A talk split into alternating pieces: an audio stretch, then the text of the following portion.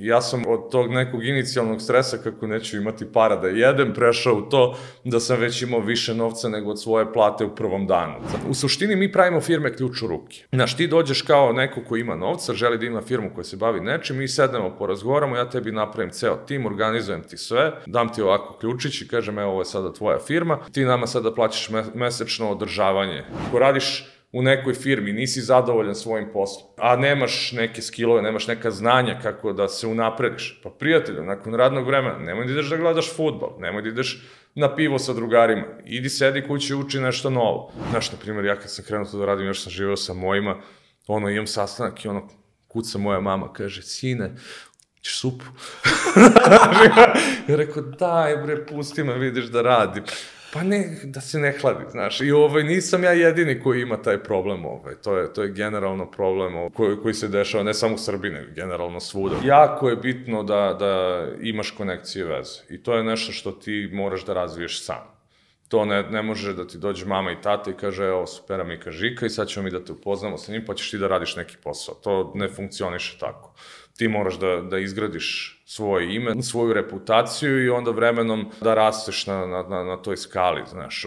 Ako tražiš jednostavan i pristupačan način za međunarodna plaćanja, Payoneer ima rešenje. Payoneer je vodeća globalna platforma za međunarodna plaćanja koja sarađuje sa freelancerima, malim, srednjim preduzećima, kompanijama i tržištima u cilju rešavanja njihovih najvećih izazova navezanih za proces plaćanja. U samo nekoliko klikova preko Pionira možeš otvoriti poslovni račun u inostranstvu. Bez obzira da li se nalaze u Americi, Evropi ili Aziji, klijenti ti veoma brzo i jednostavno mogu platiti lokalnim bankovnim transferom i tu valuti koja njima najviše odgovara. Zaboravi na beskrajnu papirologiju, s brzu online registraciju otvori račun u regionu gde su i tvoji klijenti. Link za registraciju se nalazi u opisu podcasta, bilo da gledate ili slušate. Ovu epizodu podržuje projekat Srbija inovira pokrenut od strane ICT Huba uz podršku USAID-a koji je posvećen jačanju ekonomije uz pomoć inovativnih rešenja za oblasti privrede sa najvećim razvojnim potencijalom. Centralno mesto projekta je formiranje prvog superklastera u Srbiji, globalno potvrđenog biznis modela koji lokalnom okruženju daje rezultate. U pitanju je saradnja velikih kompanija, domaćih i stranih, startapa, raznih specializovanih kompanija, a uključuje svet nauke i akademije. Cilj te saradnje je stvaranje većeg broja inovacija kako bi se napravila baza za dalji razvoj domaće privrede zasnovan na novim znanjima. Projekat je pokrenuo četiri super klastera. Za više informacije iz kojih su oblasti i kako možete se priključiti, posetite njihov website i profile na mrežama. Skaliranje dalje, dalje neki ono level up. Ako ćemo da krenemo. Apsolutno da, da. Učite iz grešaka. Biznis priče. Danas u gostima imamo Lazara Žepinića koji dolazi iz Biznis Tajni. Tamo je delio tajnu o TikTok oglašavanju. TikTok oglašavanje mu je samo jedan aspekt njegovog biznisa, pored toga ima još nekoliko biznisa, bio je u Amazonu, Amazon Marketingu, ima agenciju za to, Danas radi, pored toga, i staffing, još mnogo stvari koje ne mogu ni da nabrojim, pa ću prepustiti Lazaru. Lazare, dobrodošao u Biznis priče. Ćao, Vlado, bolje te našao. Šta ti to radiš? Kako da te najavimo? Pazi, ovaj, baš, baš si ti pričao skoro ovaj, kako, kako u Americi ovaj, kada pričam sa, sa ljudima, uglavnom ne kažem svoje prezime, jer im je teško da da ovaj, izgovore, tako je ovde teško da kažeš šta sve radim, tako da ovaj, svašta nešto radim. Ovaj, imamo našu TikTok agenciju, uh, bavimo se staffingom, krenuli smo sad u još jedan malo veći, ozbiljniji projekat, pričat ću ti detaljnije o tome ovaj, u toku ove emisije, koje se u suštini tiče afiliata i malo ovaj, povezivanja prodavaca sa ljudima koji mogu da pomognu prodaju tih proizvoda na internetu, tako da je to u suštini sve vezano za neki e-commerce. Još sam zaboravio nešto da napomenem u uvodu, to je da si serijski predavač na konferencijama. A joj, svetskim da. konferencijama, na ozbiljnim svetskim konferencijama. Evo ga Lazar danas ovde kod nas. Da, pa pazi, što se tiče konferencija, ovaj, to sam krenuo da pričam pre neke četiri godine. I ovaj, krenuo sam, pr prvo, prva konferencija, neka strana gde sam pričao, kao bila neka Amazon konferencija um, u Amsterdamu. Ne, u stvari, prva je bila u, u, u Češkoj, u Pragu. I ovaj, nakon toga mislim da sam pričao na baš dosta mesta, od San Diego, Los Angelesa do, ne znam, Shenzhena, Guangzhoua, Dubaja, na dosta konferencija, ovaj, pričao sam na Canton Fairu u, u, u Kini, u, u glob, na, mislim da se zove Global Sources Summit, sad ovaj, ubiće me ljudi sreće pa je na srpskom, ovaj, pa neće razumeti, ovaj, ali Da, pričao sam od Affiliate Worlda, tamo sam bio čak i izglasan za najbolju prezentaciju. To je posljednja prezentacija. Da, da, da, da, to je bila poslednja u Barceloni, pre toga sam pričao i u Dubaju na njihovoj konferenciji. I manje više baš sam pričao neš, nekako svuda, a ove, ja zapravo baš nešto i ne volim mnogo da pričam, ali se tako Ali je to deo biznisa, ali to deo biznisa. Ako imaš agenciju, tebi je to marketing kanal, kako da dovučeš klijente. Pa znaš kako, ovaj, učiš ljude o nečemu novom, što je jednim delom prilično zabavno, sa druge strane je to i branding za samu agenciju, branding je i za, za mene, ovaj, tako da to je jedan od razloga zašto sam i prestao da se bavim Amazonom u tom, u tom nekom periodu, zato što je se to pretvorilo u jedan lifestyle biznis koji zahteva da non stop negde putuješ, da non stop negde ideš, da se uh, non stop eksponiraš negde, a ja nisam baš neki ovaj, fan tog prevelikog eksponiranja, i to kaže čovjek koji je trenutno na najposećenijem podcastu, ali dobro. Ovaj, da, tako da zbog toga sam ovaj, u nekom trenutku odlučio da se, što se kaže, prešaltam sa sa, sa Amazona u kome sam bio dugi niz godina i ovaj, prešao više na TikTok. A šta ste radili na Amazonu? Šta ste pomagali Pa, shopovima? z- znaš kako, ovaj, ja sam krenuo sa Amazonom neke 2016. recimo, okvirno, i možda tu koja godina, gore dole, um, sa, to, kada sam krenuo svoju neku firmu, a pre toga sam bio direktor prodaje za jedan britanski brand kafe aparata, uh, koji je imao ozbiljnu prodaju na Amazonu, pre toga sam radio nekim marketinškim agencijama i tako, šta sve ne, i ovaj, I, I tako da, što se tiče tog Amazona, ja sam krenuo sa marketingom na Amazonu, jer sam ja u suštini marketar, što se kaže, ovaj, u nekom marketingu sam, pa boga mi, preko 10, 12, 13 godina sada već, tako da, da ovaj, krenuli, smo, krenuli smo od toga. Nismo se deš, ovaj, kao agencija širili nikada da vodimo celokupne biznise na Amazonu, više smo se bazirali na klasičan PPC, to je oglašavanje na Amazonu i kroz DSP mrežu takođe. Ovaj, krenuli smo onda da se širimo malo dalje, tako da ovaj, to je otprilike nešto što smo krenuli da radimo sa Amazonom. Eto. I batalio si Amazon prešao u nove oblasti. Tako je, ovaj, do, u trenutku dok, dok, pazi, mi smo krenuli, ovaj, to jest ja sam krenuo da radim na, na, na Amazonu ovaj, sa svojom agencijom pre nekih četiri godine, možda malo jače, um, i kako smo se širili, onda u nekom trenutku došla korona, znaš, i, ovaj, i to je ona tema koju ja ovaj, baš mrzim da, da pominjem, ali nekako je neizostavna ovaj, u celoj priči o celom razvoju biznisa i ovaj, mi smo u tom trenutku imali možda nekih 6-7 zaposlenih, došla je korona i ovaj, ljudi su se svi uhvatili za glavu, znaš, ovaj, u suštini ti prodavci na Amazonu, to je neki ono porodični biznis i mama, tata biznis ili neko ko je odlučio da pokrene nešto Iz, svoje. Amer iz Amerike ili... Iz Amerike su nam uglavnom ove, klijenti bili, neki 95% klijenata su nam iz Amerike, ostatak je bilo Nemačka i ne znam, Velika Britanija.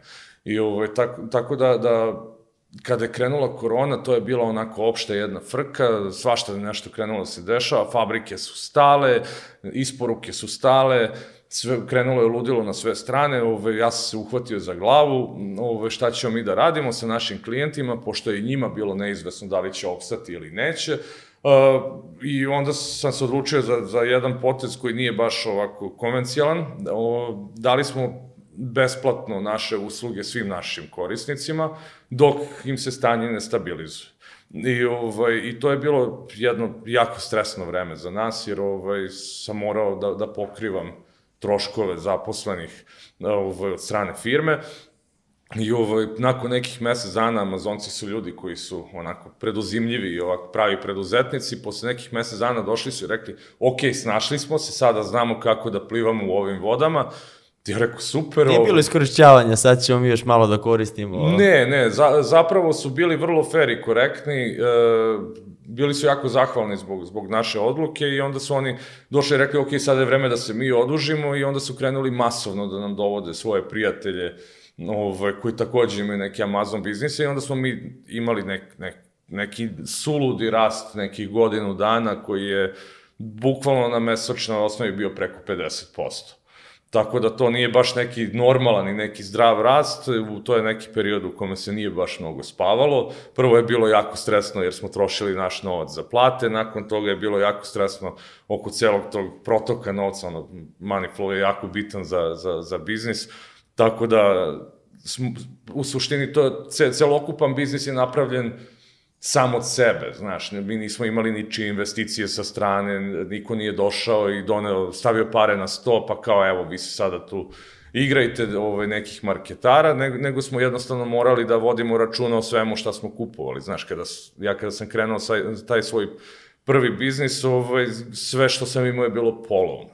Znaš, ovaj, svi ti stolovi su bili, ne znam, red veličina hiljadu i po dinara. Ovaj, svi računari su, ja sam krenuo da radim sa svojim ono računarom koji nije baš bio ovaj, najpogodniji za rad. Na kraju smo ovaj, krenuli da, da, da sedimo po dvoje za stolom, jer ovaj, to je, to je, znaš, ona klasična, ona garažna priča kako neka firma kreće, tako smo i mi krenuli dosta dosta ludo u sve to, jer ti generalno nemaš baš ni neku knjigu gde ti možeš da sada sedneš da naučiš sve to, kako sve to funkcioniše. Zato mislim da je tvoj podcast fenomenalna stvar, jer ljudi mogu da, da nauče iz nekih tuđih iskustava, mogu da čuju iz tuđih iskustava kako to izgleda.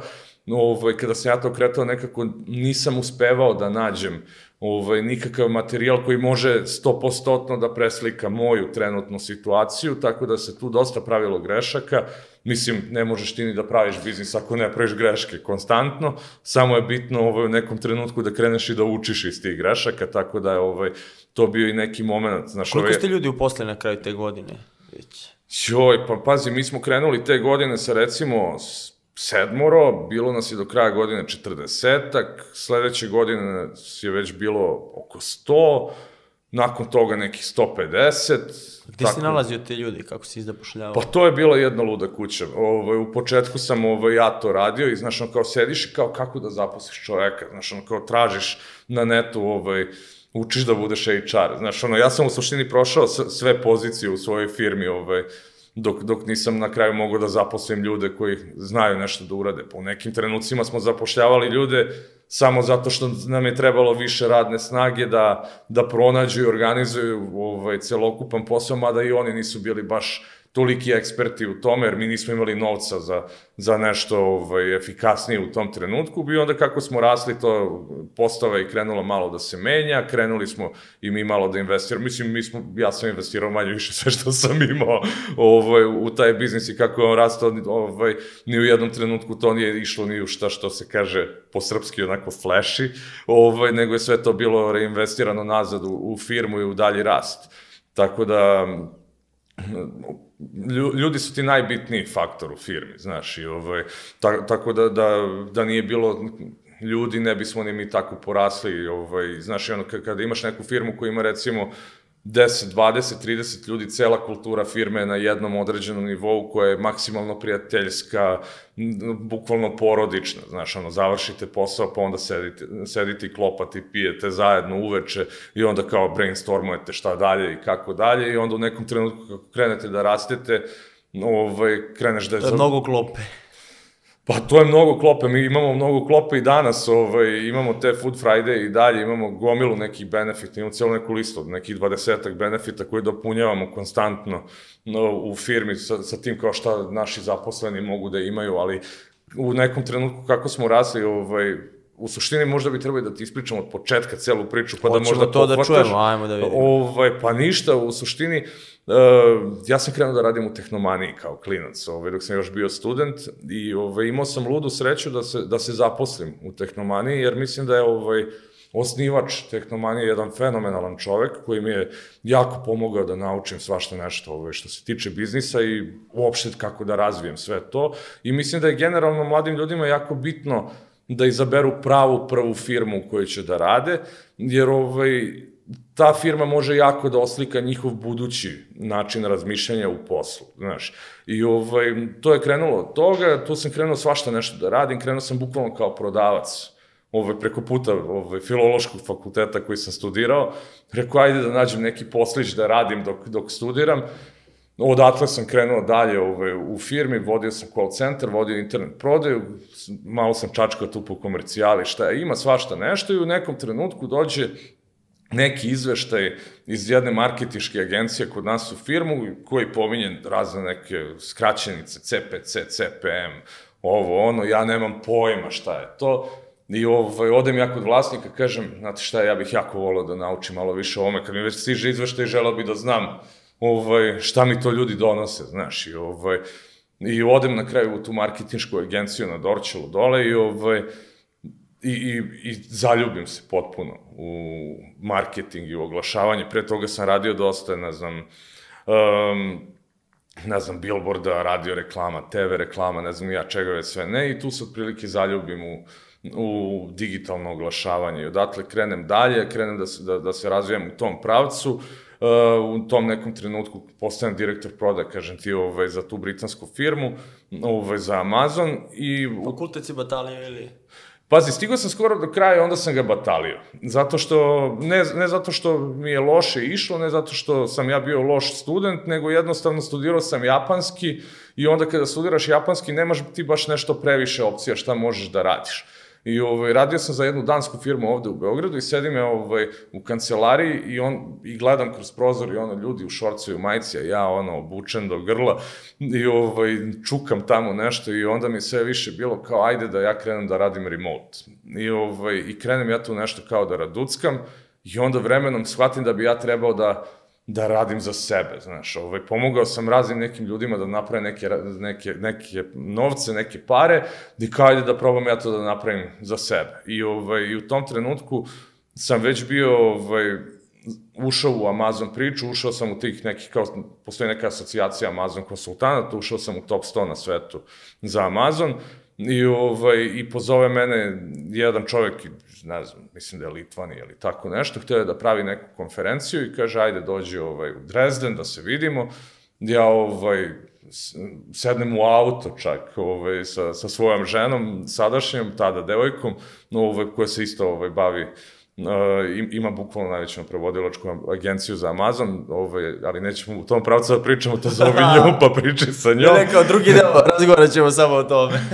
I, ovaj, i, I odem tamo, ispričam se sa čovekom, on mene pozove na tu Amazon konferenciju u Pragu. To je bila prva konferencija? Da, to je bila prva konferencija i na toj prvoj konferenciji mi ovaj, smo pričali malo o marketingu i o, i o oglašavanju na Amazonu i on kaže, e, ja sam razmišljao da napravim jednu konferenciju u Amsterdamu koja bi bila na evropskom nivou gde bi skupljali sve ljude koji se bave Amazonom, koji se bave marketingom na Amazonu i tu bismo napravili tu konferenciju. Ja odem na, na tu konferenciju, dok sam bio u Pragu već damo vamo otkaz, I sad ja tu onako nervozan, šetam se u krugu oko, oko, oko zgrade kao, bože, što sam ja dao otkaz na ovom svom poslu, šta ću ja sa sobom sada da radim? I, ovaj, i pozovem neke razne ljude koje sam tada već poznavao ovaj, iz tog Amazon sveta i oni kažu, e, super, dođi da radiš kod nas. Ja rekao, ne, ne, ne, prijatelju, ja krećem nešto svoje da radim. I oni kažu, dobro, super, ajde, bit ćemo ti klijenti. Ja rekao, odlično. ja sam ovaj, od tog nekog inicijalnog stresa kako neću imati para da jedem, prešao u to da sam već imao više novca nego od svoje plate u prvom danu. Zato što je taj prvi lik došao i pozvao sve svoje neke drugare koji isto rade na Amazonu i bio je u fazonu, e, super je ovaj dečko, kao ajmo da radimo sa njim. Odjednom, eto, 5, 6, 7, 8 klijenata došlo. I ja rekao, ja, ja sad već treba da zaposlim nekoga da mi pomogne oko ovoga. Tako da je, da, je, da je to bilo onako sve klimavo, sve dosta nervozno, dosta stresno. I odem na tu konferenciju ovaj, u Amsterdamu i ovaj, ispričam tu šta sam imao, ne mogu ni da se setim šta sam pričao od nekoj atribuciji, pretpostavljam. I ovaj, šetkam se po onim halama i vidim sad među tim štandovima ima, ima jedan štand ovaj, gde su, svi su drugi štandovi lepi, samo ovaj štand ima velike bele table i na tim tablama neko piše nervozno markerom kao mi kupujemo Amazon biznis. I ja odem kod njih i kažem, ovo vam je toliko glupo da apsolutno radi, jer od svih ono flash i štandova ja sam došao kod vas. I ovaj čovjek se uhvati ovako za glavu i kaže, nema ništa da me pitaš, prijatelju, sve, sve su nam ovaj, pogubili u avionu, sav materijal, nemamo ništa, ovaj, tako da, da, eto, snalazimo se, imamo to što imamo. Ja rekao, znate šta, ajmo mi ovaj, nakon svega ovoga na piće, čisto da, da, da, da, da vam pomognem, da vam malo ono danete dušom. I oni kao, ajde, mi se tu sprijateljimo i ovaj, ispostavi se da sam u tom trenutku stvari popio piće sa ljudima koji su bili vice president i prezidenti u kompaniji Trasio, koja je postala najbrže rastuća firma u istoriji Amerike, najbrže rastući unicorn, oni su imaju neku valuaciju, ja mislim sada desetak milijardi. Šta rade? E, bave se akvizicijom kompanija e, online biznisa na Amazonu. E, proširili su oni to malo više u svim pravcima, ali ovaj, im, generalno core biznisa je kupovina firmi i komerca koji prodaju na Amazonu. U suštini oni su jedan agregator koji funkcioniše tako što imaš neke investicione fondove, imaš neke banke, imaš neke ljude koji imaju više para, a nemaju vremena da, da investiraju u nešto, oni ovaj, taj novac daju toj kompaniji, ta kompanija uzme taj novac, krene da kupuje te firme i onda ih dalje razvija i ovaj, povećava njihovu vrednost.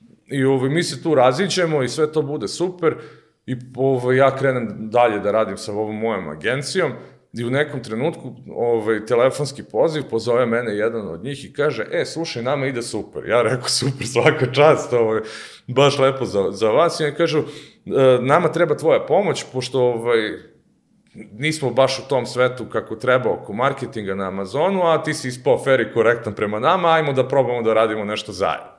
Ja kažem super, ajmo da probamo. Ja rekao šta treba da se radi? Treba na marketing za sve te nove proizvode koje mi tek krećemo da lansiramo pa da vidimo kako to izgleda. Ja rekao ajde da probamo. I ovaj, krenemo mi to da radimo, neka tri meseca smo imali taj neki probni period kod njih, oni kažu mi smo oduševljeni, ovo je sve super, rezultati su nam odlični, ajde ovaj, reci ti nama kao je bi ti mogao da nam pomogneš sa zapošljavanjem. Ja rekao, kako da nam pomognem sa zapošljavanjem? Kažu, Pa mi smo te neke grupice od 20 ljudi ovaj, krenuli kao da se razvijamo jako brzo i sad odjednom nama trebaju ljudi, ono, čisto kao referenca, oni ovaj, su, ja mislim, na kraju prošle godine imali 4.500 zaposlenih.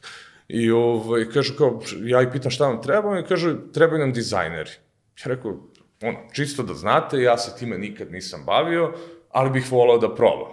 I oni kažu, ajde, mi zaposlimo nekih desetak dizajnera i, ovaj, i opet neki trial period od tri meseca, ono neki probni period i oni kažu, je, znaš šta, ovo je bilo super, možeš još 40-50 ljudi. Ja rekao, pa ajde da probamo, znaš. I ovaj, kako sam to krenuo da razvijam dalje. Gde si nalazio te ljude? Pa pazi, prvo sam ja to ovaj, u početku... Su bili odavde ili? Da, da, da, da, sve su naši ljudi, sve je to krenulo odavde. I ovaj, dalje su većinski tu kod nas, mi smo se proširili sada i na Makedoniju, tako da imamo i dole ovaj, naš ogranak, ali ovaj, kako smo mi krenuli da zapošljamo za njih, tako su se javili neki drugi manji agregatori i rekli kao, e, ako ste vi dobri za njih, možda ste dobri i za nas, ja pozovem nazad ove moje istracije, kažem kao, e, ja bih mogao da radim i svojim drugima ako nemate ništa protiv, oni kažu, ma kakvi, kao samo, samo cepa i samo da ne sede zajedno, znaš. Ja rekao, ajde da probamo i ovaj, to odjednom tu nešto krene. Nama ovaj, marketinška agencija sa druge strane ovaj, krene sve to lepo da raste, ono korona i sve to na ono luda kuća, znaš, svašta nešto se tu dešava i, ovaj, i u nekom trenutku uh, jedan od ljudi koje sam poznavao iz nekih prethodnih priča, ovaj, iz, ono, dok, dok sam radio ovaj, za tu neku dansku firmu koju je, dečko je radio za AdRoll u, u Irskoj, Irac je dečko, ja ovaj, vidim na LinkedInu, on menja posao, prelazi u TikTok. I ja rekao, e, Patriče, čestitam svaka čast, i kaže on meni, hvala, hvala, e, nego, e, te zanima TikTok? Ja rekao, pa pazi, mene generalno svašta nešto zanima u životu, ajde kao da malo porazgovaramo na tu temu. I on kaže, ajde super, sad ću ja da organizujem neki sastanak, pa se mi čujemo sledeće nedelje. Ja ovaj, dolazim na sastanak sledeće nedelje i, ovaj, i na sastanku uopšte nije bio Patrik, nego GM TikToka za Evropu. I ja kao sledio se, znaš, ono, to je jako, jako velika funkcija ovaj, da, da, da tako komunicira se odjednom pojavi, znaš, ovaj, I mi krenemo tu da pričamo, u tom trenutku TikToku nije, nije išlo baš najlepše u Americi, ovaj, zbog političkih nekih razloga, hteli su da ih tamo Koje to godine ukinu. Bilo? Pa to je bilo pre neke tri godine, znaš, i ovaj, ali, ali oni su već u tom trenutku imali nekih 600-700 miliona korisnika, znaš, i ovaj, rekao, pa nemaš ti da banaš nešto što ima 700 miliona korisnika, ono, ljudi neće biti baš najsrećniji ako ako, ako im blokiraš nešto tako. Evo, Instagram je skoro pao, pa su ljudi krenuli da, da vilene, ni svaki put kad padne Whatsapp ili nešto, svi krenu da vilene odjednom naprasno, tako da mi je bila logika, neće valjda ni, ni TikTok moći tako lako da, da ovaj, zabrane. I ove, pitaju oni mene šta bi ti želeo, ja odgovorim sve. I oni meni daju manje više neki najviši nivo ugovora koje je moguće dobiti u TikToku, što je jedna totalno suluda priča i jedna suluda sreća koja se tu desila.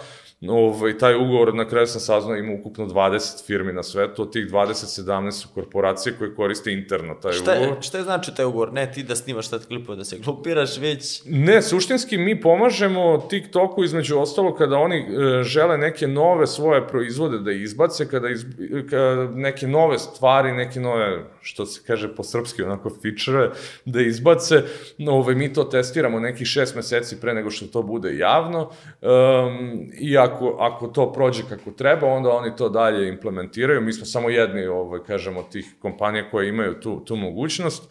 I između ostalog smo dobili neke razne pristupe što se tiče oglašavanja, imamo neki taj najviši nivo ovaj, mogućnosti za oglašavanja, gde ti imaš ne znam, možemo da dajemo ad credit uh, klijentima i imamo ceo tim od 15 ljudi unutar TikToka koji nama danas pomaže da, da našim klijentima to sve proradi kako treba i u svakom slučaju, kažem ti, potpišemo mi taj ugovor, da se vratim na to i ovaj, I tako, tako krenemo da razvijamo taj TikTok u naše, u našoj kompaniji. E,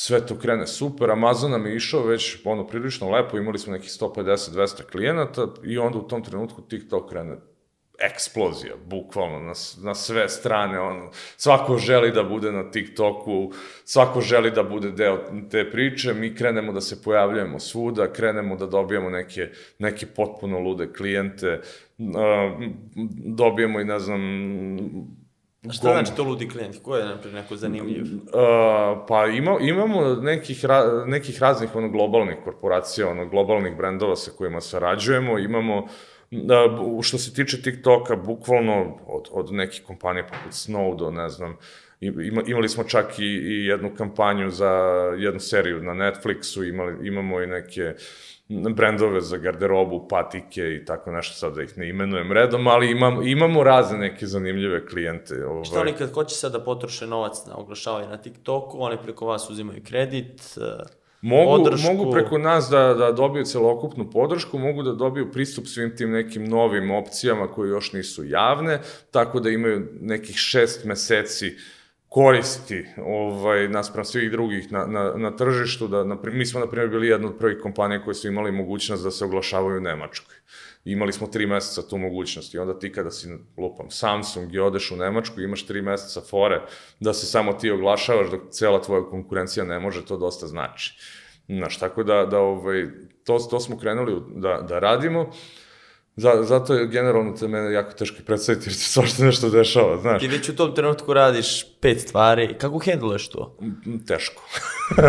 o, šalim se. Ove, u suštini ono što je jako bitno je da, da ne budeš neki micromanager koji, koji juri svaki najsitniji detalj. Jako je bitno da gradiš tim, da veruješ u svoje zaposlene, da veruješ u svoje ljude. E, jako je bitno da, da ih motivišeš da daju sve od sebe, jer moje kolege koje su tu sa mnom od, od početka, a većina njih je tu od samog početka, se toliko razvila, uključujući i mene u celoj priči, ovaj, poznanju, Znaš, tako da, da ovaj, znaš, ja, ja jako volim Adižes, ne znam, ne, ne znam ovaj, da, da li si nekad pratio njih i one, Boris Vukić jako voli da, da priča o tim nekim samoniklim ljudima i o, i o svemu tome, i ovaj, tako da, da sam tu dosta skupljao fora i fazona kako raditi sa, sa zaposlenima i onda odem, odem kod psihologa, znaš, i, ovaj, i pitam kako ja da motivišem ljude, kako mogu da, iz, da izvučem neki maksimum iz nekoga, ne samo zato što meni treba, nego ne želim da se pomirim sa tim da neko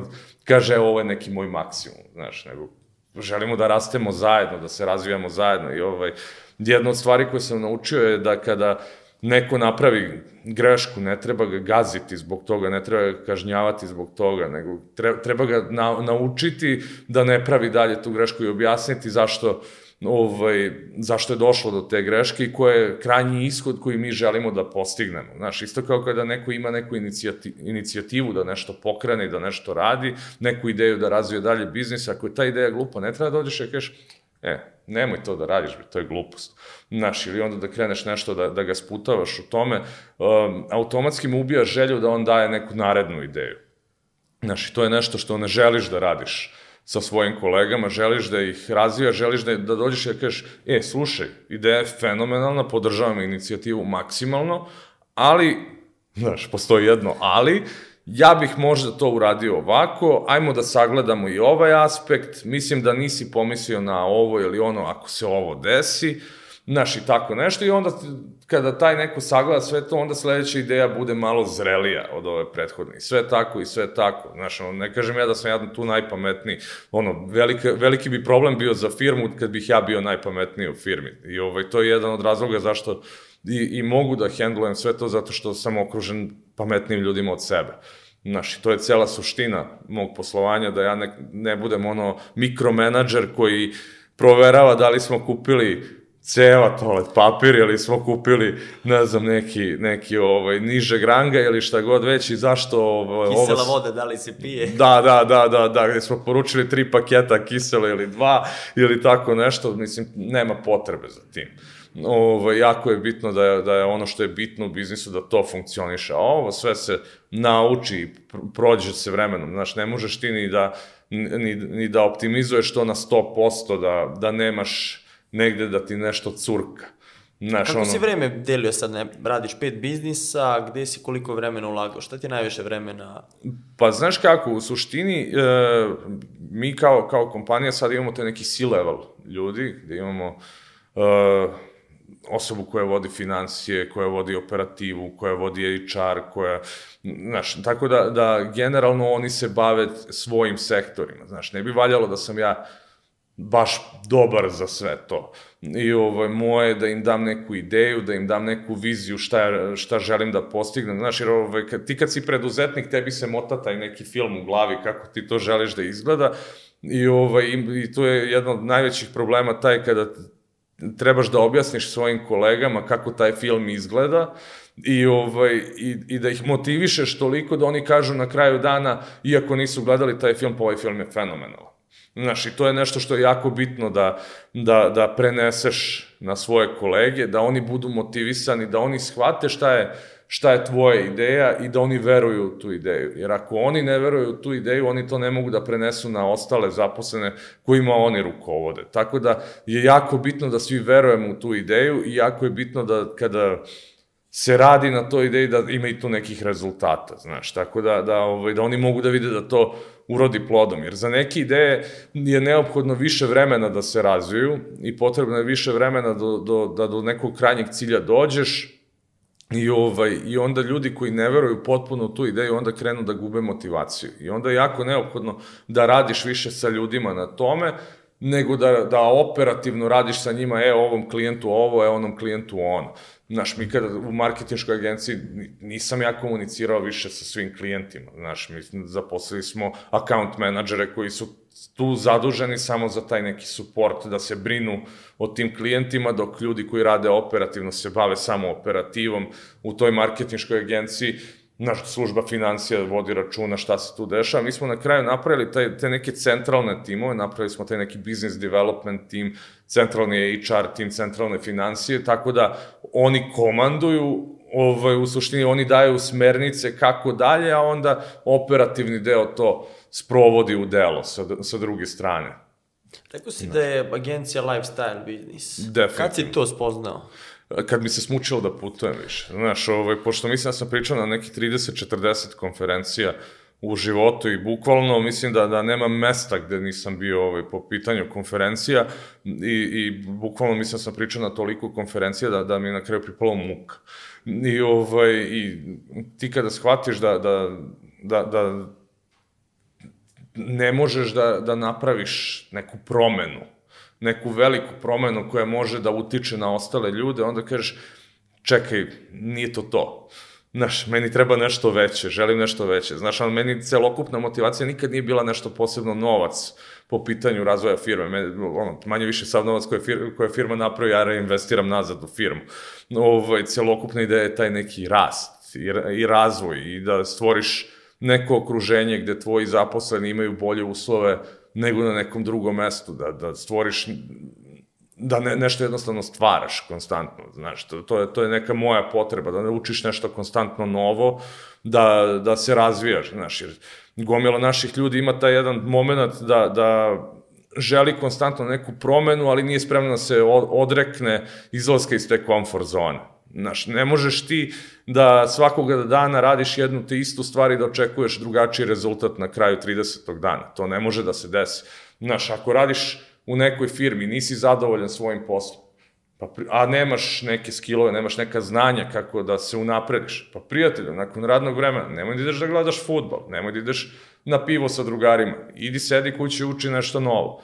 Nakon tri meseca, četiri meseca možeš da naučiš dovoljno stvari da možeš da kažeš evo ja sam junior neki u ovom poslu, ne, nisam više baš ono ni apsolutno, mislim početnik si, ali imaš neko barem osnovno znanje da možeš da potražiš posao u tom nekom novom sektoru i da se razvijaš dalje u toj priči.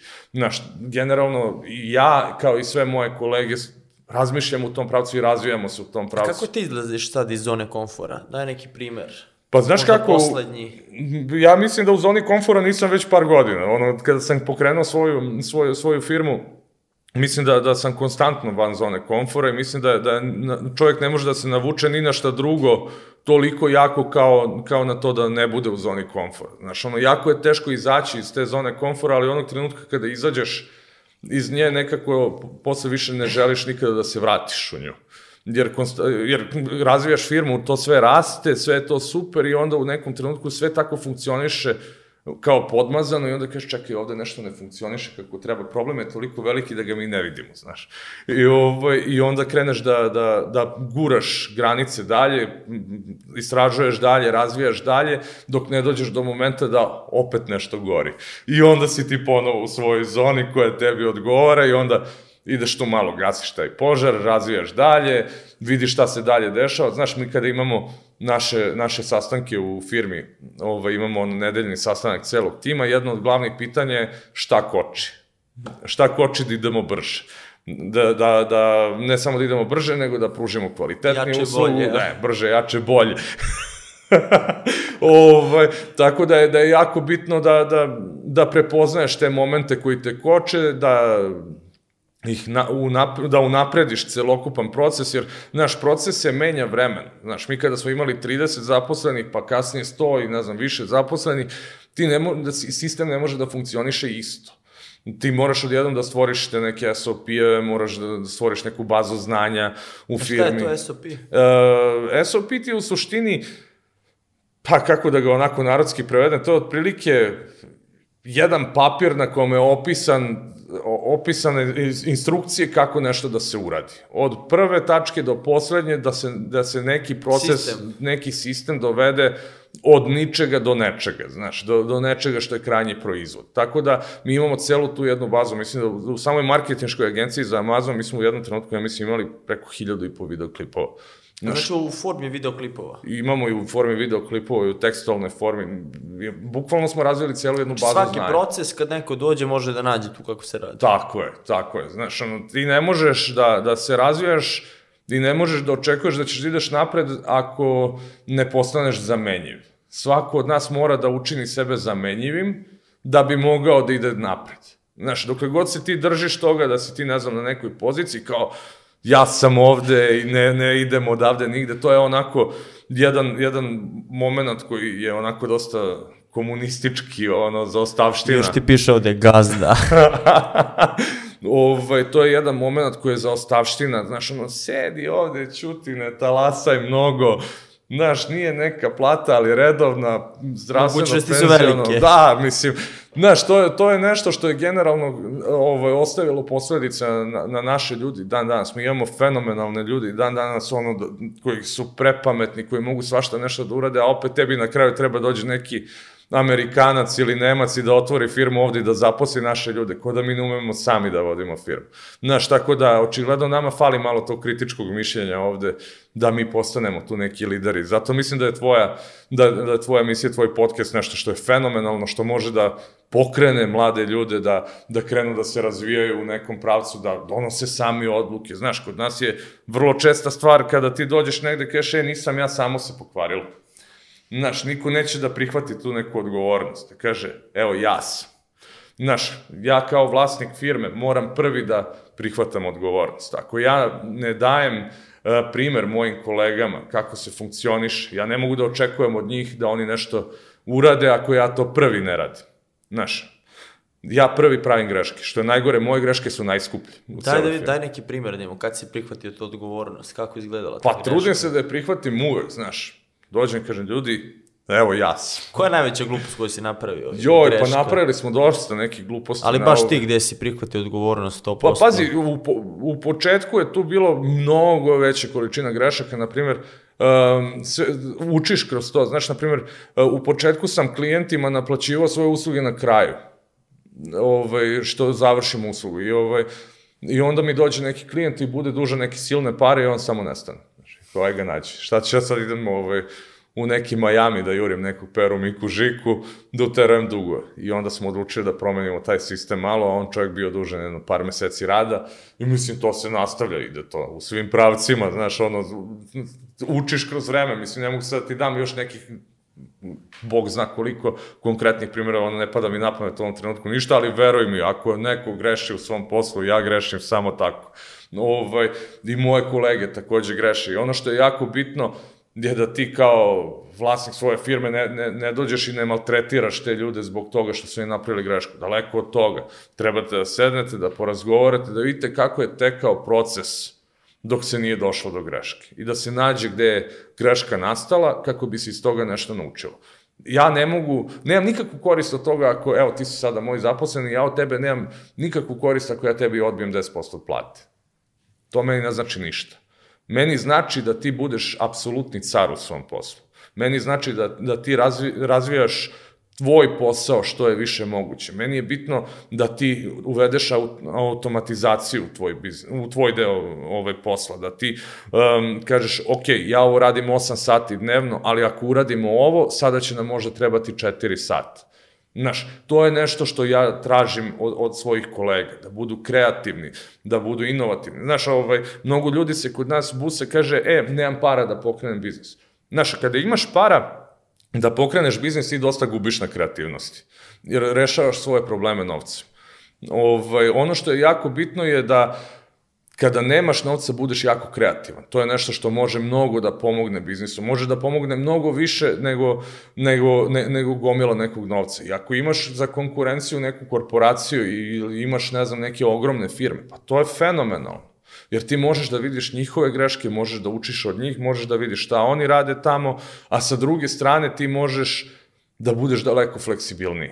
Znaš, Ti ne možeš sada u Coca-Coli, ne znam, u Mercedesu, u Fordu, bilo kojoj tako nekoj velikoj svetskoj firmi od sutra da kažeš gasimo sve, ne znam, dizel motore, e, krećemo da radimo samo, ne znam, automobile na struji, da kažeš to kreće od sutra. Evo, vidiš, ono, promene za, za, za tipove goriva će trajati narednih 10-15 godina. Znaš, u velikim kompanijama ti moraš da dobiješ odobrenje za analizu koju si ti od, odradio, za neku promenu, taj neko mora da dobije odobrenje da bi ti dobio odobrenje da tvoja analiza prođe da ti nešto uradiš. I to je neki dug proces. I to, te veće firme imaju um, svoje biznis planove, imaju svoje budžete za, za godinu, kvartal ili za šta god već po sektorima i svemu tome. I jako je teško biti jako fleksibilan kada si velika kompanija. Sa druge strane, ti kada pokrećeš svoj biznis, ti imaš prostora da budeš fleksibilan koliko god hoćeš. Znaš, šta ti možeš da izgubiš? Ne možeš mnogo da izgubiš osim svog vremena naš i svog rada. A ako si se ti odlučio da, da, da postaneš privatnik i vlasnik nekog svog biznisa, ako, ako ti taj biznis propadne, pa napravit ćeš novi.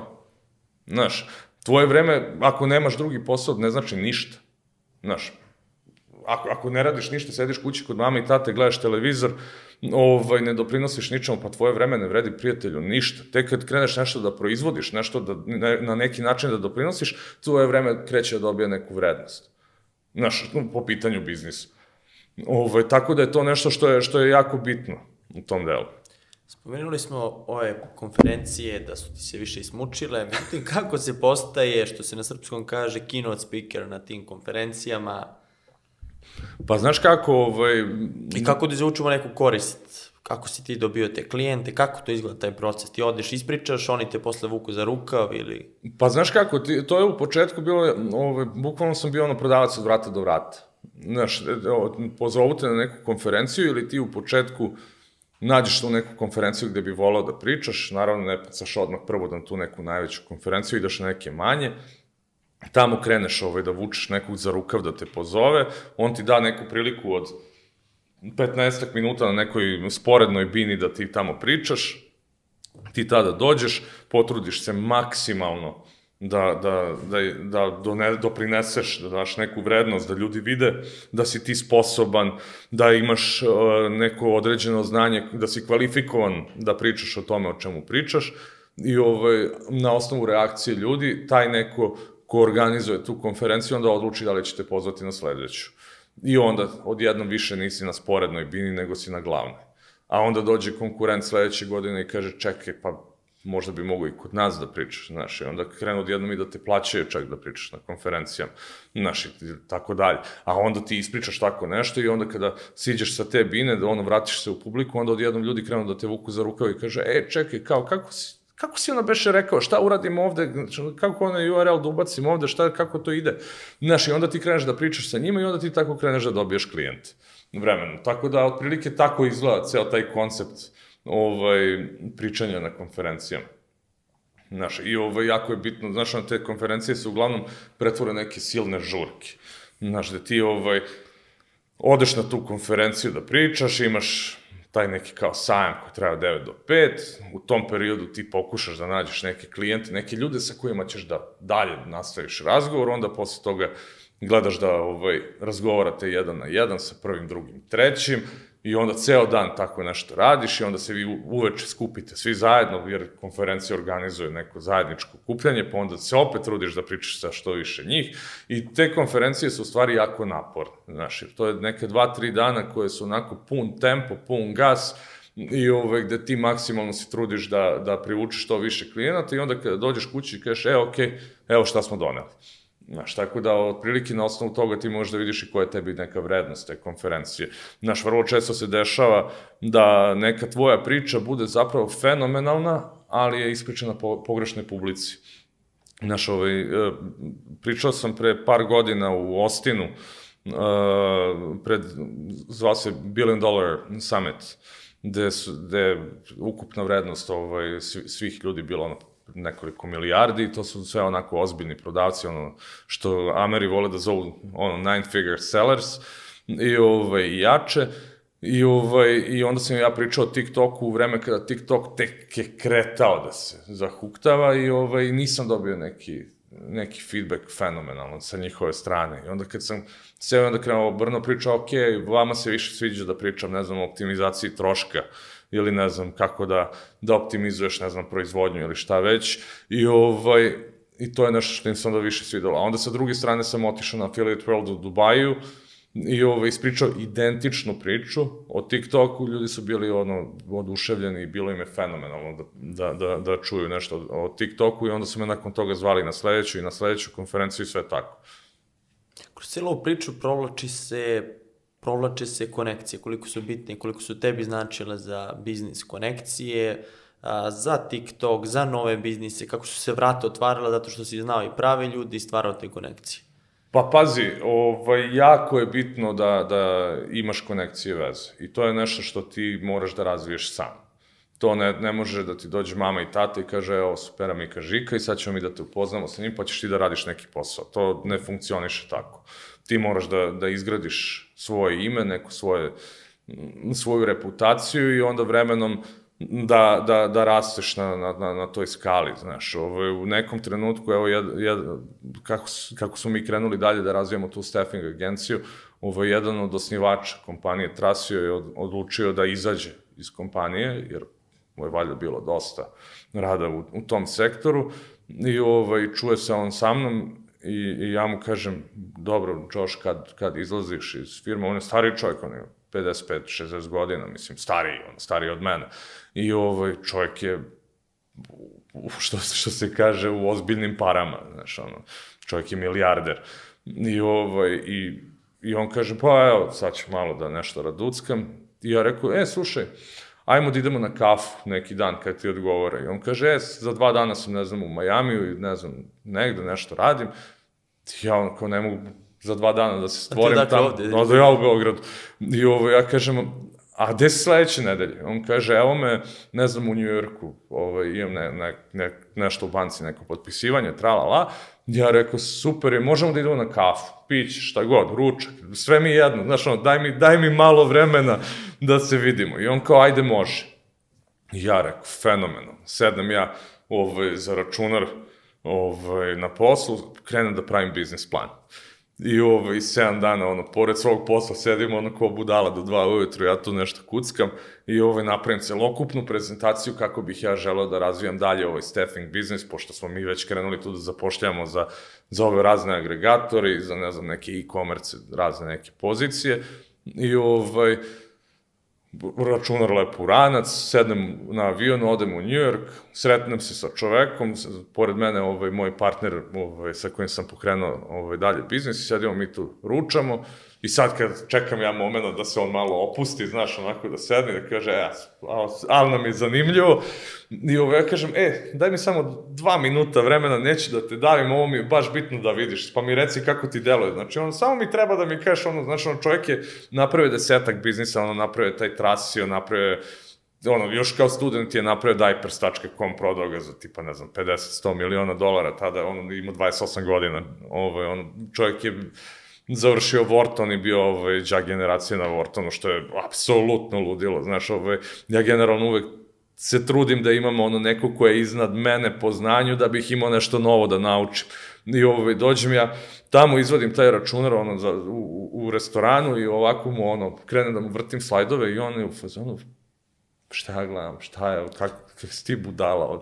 I, ali čuti, znaš. I ovo, ja, znaš, ono, radi moju prezentaciju mog budućeg biznisa, kako ću ja to dalje da razvijem. I, ovaj, I na kraju pokažem, želao bih da budeš moj partner. I on sta, stane ovako čovjek i kreće da urla od smeha. I, ja sad rekao, ja, ništa, ni, ništa. A dobro, probao sam, znaš, ni, ne, ne, ono, to je američki sistem, ono, kucaš dok ti ne otvore. I, ovaj, i on kaže, momci, znate šta, vi ste realno klinci. Či mi kao, šta si nam novo rekao, mislim, to znamo. I ovaj, kaže, ali ste toliko ludi i ovako petlju ne bi imao baš bilo ko da ovaj, tako priđe nekom i da mu ispriča celu priču, kaže, hoću. Ja, ono, kako je rekao, hoću kao da si mi poklonio, ne znam šta, ono, deset privatnih ostrava, znaš. I ovo, ja se vraćam u Beograd, cvetam. Grmi. Da, da, da, da, kreće, kreće apsolutna ludnica i ovaj, u suštini ono što, što je meni generalno trebalo, ovaj, trebao mi je ubrzani kurs iz, iz biznisa na tom nekom nivou koji ja još uvek nisam radio. Trebao mi je neko ko ume da radi sa investicionim fondovima na nekom ozbiljnijem nivou, neko ko je uspeo da skupi nekoliko milijardi dolara kroz razne investicije za svoje kompanije u prošlosti, neko ko bi mi otvorio vrata mnogo brže nego da ih otvaram ja sam. Znaš, jer ja generalno mogu da odem, ne znam, u BlackRock ili, ne znam, u Sequoia ili šta god već, da stojim tamo ispred vrata i da čukam jednu godinu dana dok mi neko ne otvori. Znaš, i onda kaže neću, pa ja onda nastavim da čukam, pa dok neko ne otvori kaže dobro, ajde, hoću. Znaš, da sa druge strane, on to sa dva telefonska poziva može mnogo lakše da odradi, jer sa tim ljudima već godinama radi. I ovaj, tako da ovaj, sad smo u toj nekoj fazi, mi zapošljamo dalje ljude, razvijamo se u tom pravcu, ali nešto što, što mi dalje ovaj, kao, kao firma, to kompanija se zove Pelikan Cement i ovaj, uskoro ćemo naš seller Zeli u Srbiji, pošto kažem ti, odvojili smo se od Amazona vremenom, predali smo to ovaj, jednoj marketinškoj agenciji iz Njujorka da učestvuje ovaj, u radu naše firme, ovaj, tako da više ne radimo operativno ništa već nekih šest meseci u toj marketinškoj agenciji. Raz, TikTok nam se toliko razvio u nekom trenutku pre nekih godina, godinu i po dana, da smo na kraju morali da ga odvojimo.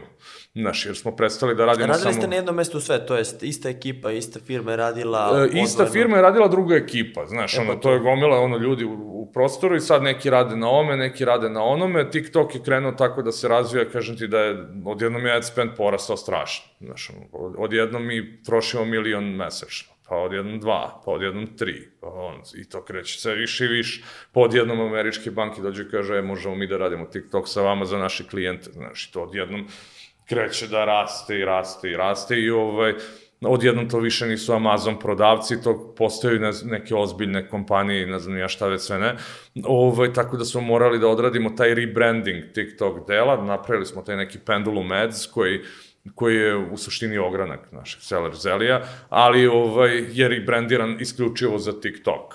Tako da Amazon je prepušten, kažem, ovaj, toj kompaniji iz Njujorka koja se bavi operativno tim delom. Sa druge strane, TikTok je nešto što mi i dalje radimo interno, iz neke moje ljubavi prema marketingu koja, koja ovaj, stoji dan danas, a sa druge strane naša staffing kompanija raste i razvija se dalje. U ovom trenutku smo u nekoj seeding fazi za dalji razvoj.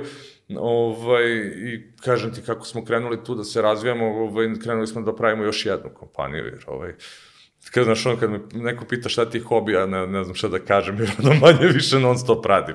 I ovaj, onda smo krenuli da pravimo tu jednu kompaniju koja se zove Profitably, e, kada sam ti pomenuo ovog Joša kad smo sedeli za stolom, ovaj, on je rekao, ok, želim da postanem deo, deo firme, ali ovaj, ajmo kao da vidimo kako sve to radi, mi smo krenuli ovaj, tu svaš nešto da radimo, on je rekao, vi ste momci fenomenalni, ajde Lazare ti da uđeš i kod mene u kompaniju, ne samo ja kod tebe. I ovaj, onda smo seli kao, ok, o čemu se radi? I ovaj, radi se o tome da čovjek želi da napravi tu kompaniju koja se zove Profitably, odrađen je seeding, ovaj, do, dobili smo neku onako prilično ozbiljnu svotu novca koja služi za kupovinu drugih kompanija na internetu, um, tako da pokušavamo sa jedne strane da spojimo prodavce i brendove, sa, sa jedne strane, sa druge strane želimo da uh, skupimo sve influencere, sa, na raznim nekim platformama, koji kada uzmu taj proizvod, krenu da ga oglašavaju, do, do, dobijaju ovaj, neki procenat od te prodaje, a sa treće strane onda imamo i kupce. Tako da, se eto i to razvija ovaj, onako veselo, tako da na svemu živom radimo. To je ono gde si ti učio kod njega, a da. ono što si ti njemu predstavio, šta je to bilo? To je, to je, to je naša staffing kompanija, uh, koja... U, u, Kako izgleda taj staffing biznis? Pazi, staffing biznis je jako, jako zanimljiv i generalno ne iziskuje previše operativnog rada sa moje strane. Nije kao strane. outsourcing. Pa pazi, u nekim domenima liči, u nekim domenima liči na rekrutment, malo je kombinacija svega. U suštini mi pravimo firme ključ u ruke. Znaš, ti dođeš kao neko ko ima novca, želi da ima firmu koja se bavi nečim, mi sednemo, porazgovaramo, ja tebi napravim ceo tim, organizujem ti sve, dam ti ovako ključić i kažem, evo, ovo je sada tvoja firma, ti nama sada plaćaš mesečno održavanje ovaj, te firme. A ko vodi tu firmu?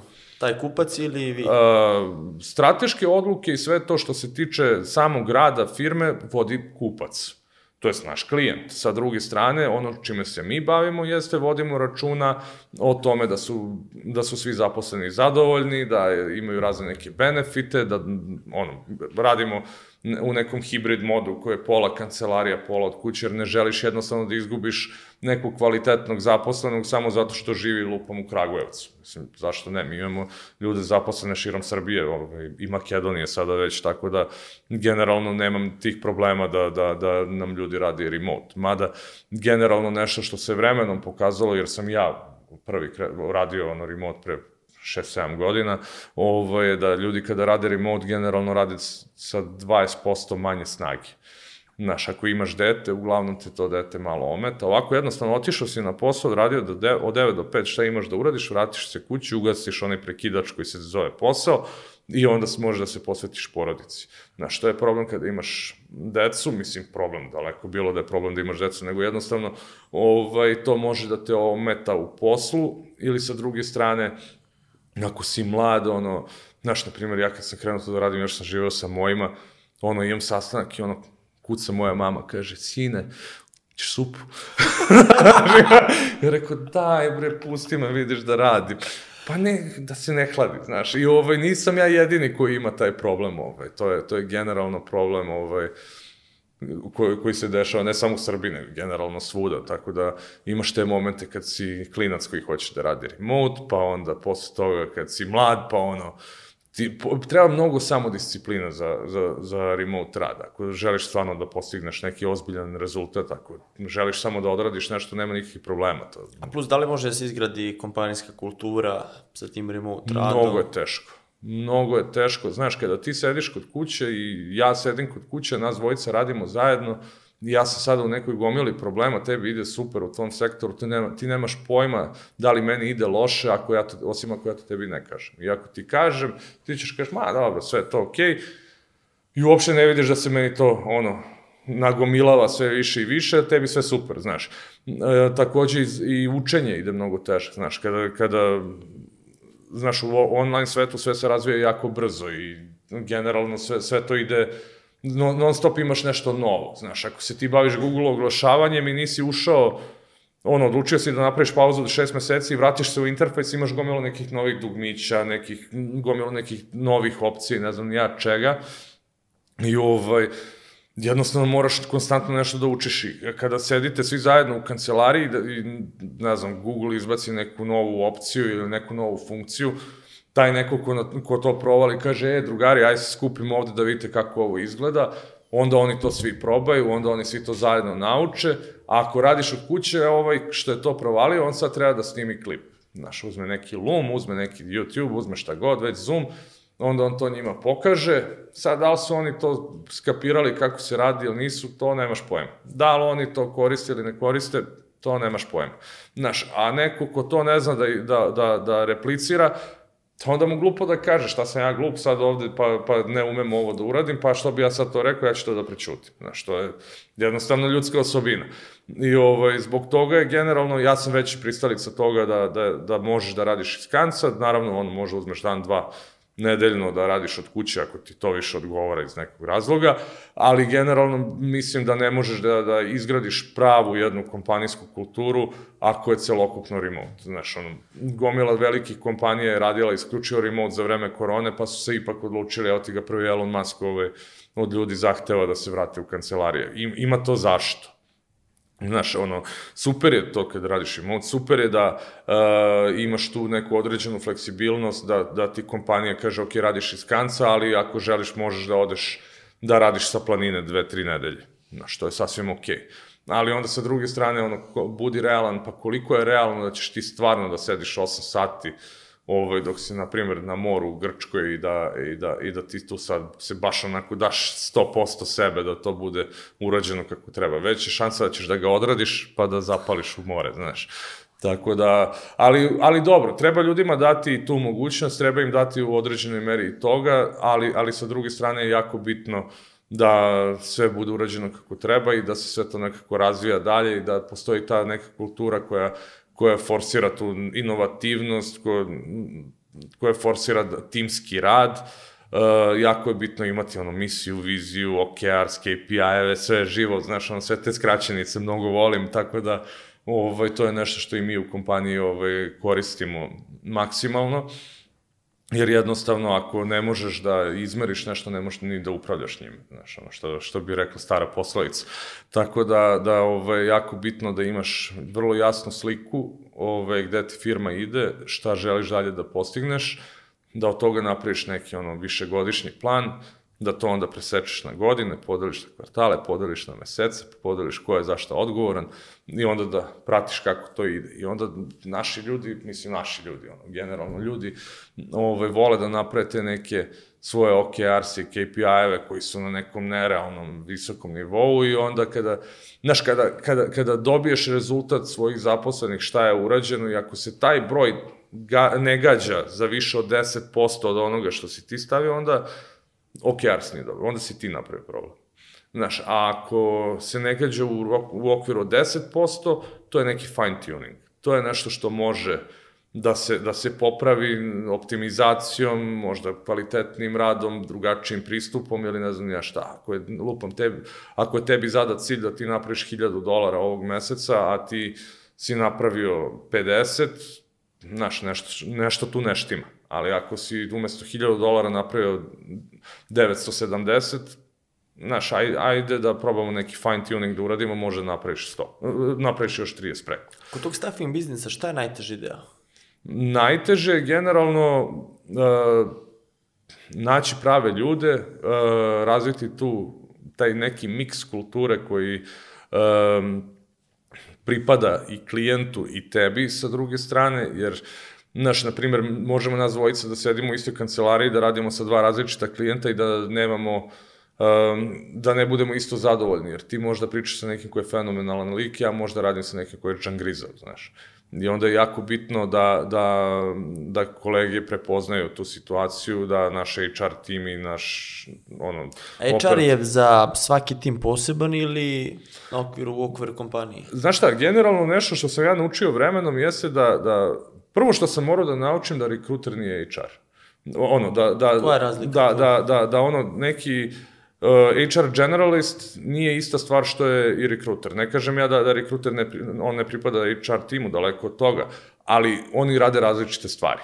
A meni, ja to nisam znao. Znaš, i onda mi je trebalo vremena da, da naučim. Rekruter je neko ko se bavi screeningom tržišta, ko, neko ko, ko može da zapošljava ljude. Sa druge strane, HR je zadužen za neko zadovoljstvo tima, za unapređenje motivacije, morala, ne, svega živog unutar firme. Tako da nešto što sam naučio vremenom je da e, svaka kompanija na nekih 50 zaposlenih treba da ima po jednog HR-a, na svakih novih 50 treba da doda još po jednog, da bi to moglo da funkcioniše i ole dobro. Znaš, ako nemaš HR-a na 100 zaposlenih, onda verovatno treba skočiš sa zgrade, ono, mnogo, mnogo je to zaznuto. Ali generalno tebi, e, rekruter nije uvezan uh, za to koliko ti, koliko rekrutera treba da imaš naspram broja zaposlenih, to sve zavisi od toga koliko želiš novih zaposlenih da dovedeš, od toga ti zavisi tvoj rekrutment tim, sa druge strane, na okvirno svakih 50 zaposlenih trebaš da imaš nekog ko je zadužen za sve to. Znaš, mi pored toga imamo ne znam, i office asistenta, imamo nekog ko je zadužen da jednostavno sve funkcioniše kako treba. Znaš, ono, uh, kod nas u državi imaš neke razne stvari koje se od tebe traže, a koje ti možeš da promeniš u neki benefit. Znaš, na primjer, uh, jako je teško zaposliti čoveka sa invaliditetom u PPC svetu. Znaš, zato što neko, ko- invaliditet uopšte ne predstavlja nikakav problem nekome ko se bavi uh, PPC-em. Znaš, to je potpuno ono, sporedani faktor. Svako ko zna da radi PPC, on će vrlo lako naći posao. Znaš, i ovaj, ti onda moraš da nađeš nekoga, na primjer, na 50 ljudi, ti u Srbiji moraš da imaš nekog ko se bavi invaliditetom. Naravno, ja ni u jednom trenutku ni, ne, nisam imao problem sa tim ovaj, da mi imamo ljude koji imaju ne, neke ono, nedostatke, ono, nažalost. Ovaj, čak naprotiv, ovaj, mi smo prilično jedna otvorena firma koja koja podržava apsolutno sve moguće što može da se podrži, ono, prilično smo otvoreni, ne, ne prihvatam nikakav vid zatocanosti u firmi, ovaj, Tako, i, i ono, kad kažem ne prihvatam, to zvuči jako grubo, ali generalno, ono, ne, ne želim da, da se neko oseti povređeno na bilo koji način. Ono, firma je napravljena u tom pravcu da, da, da, da to bude mesto gde bih ja volao da radim. Tako, tako želim da se osjećaju i moje kolege.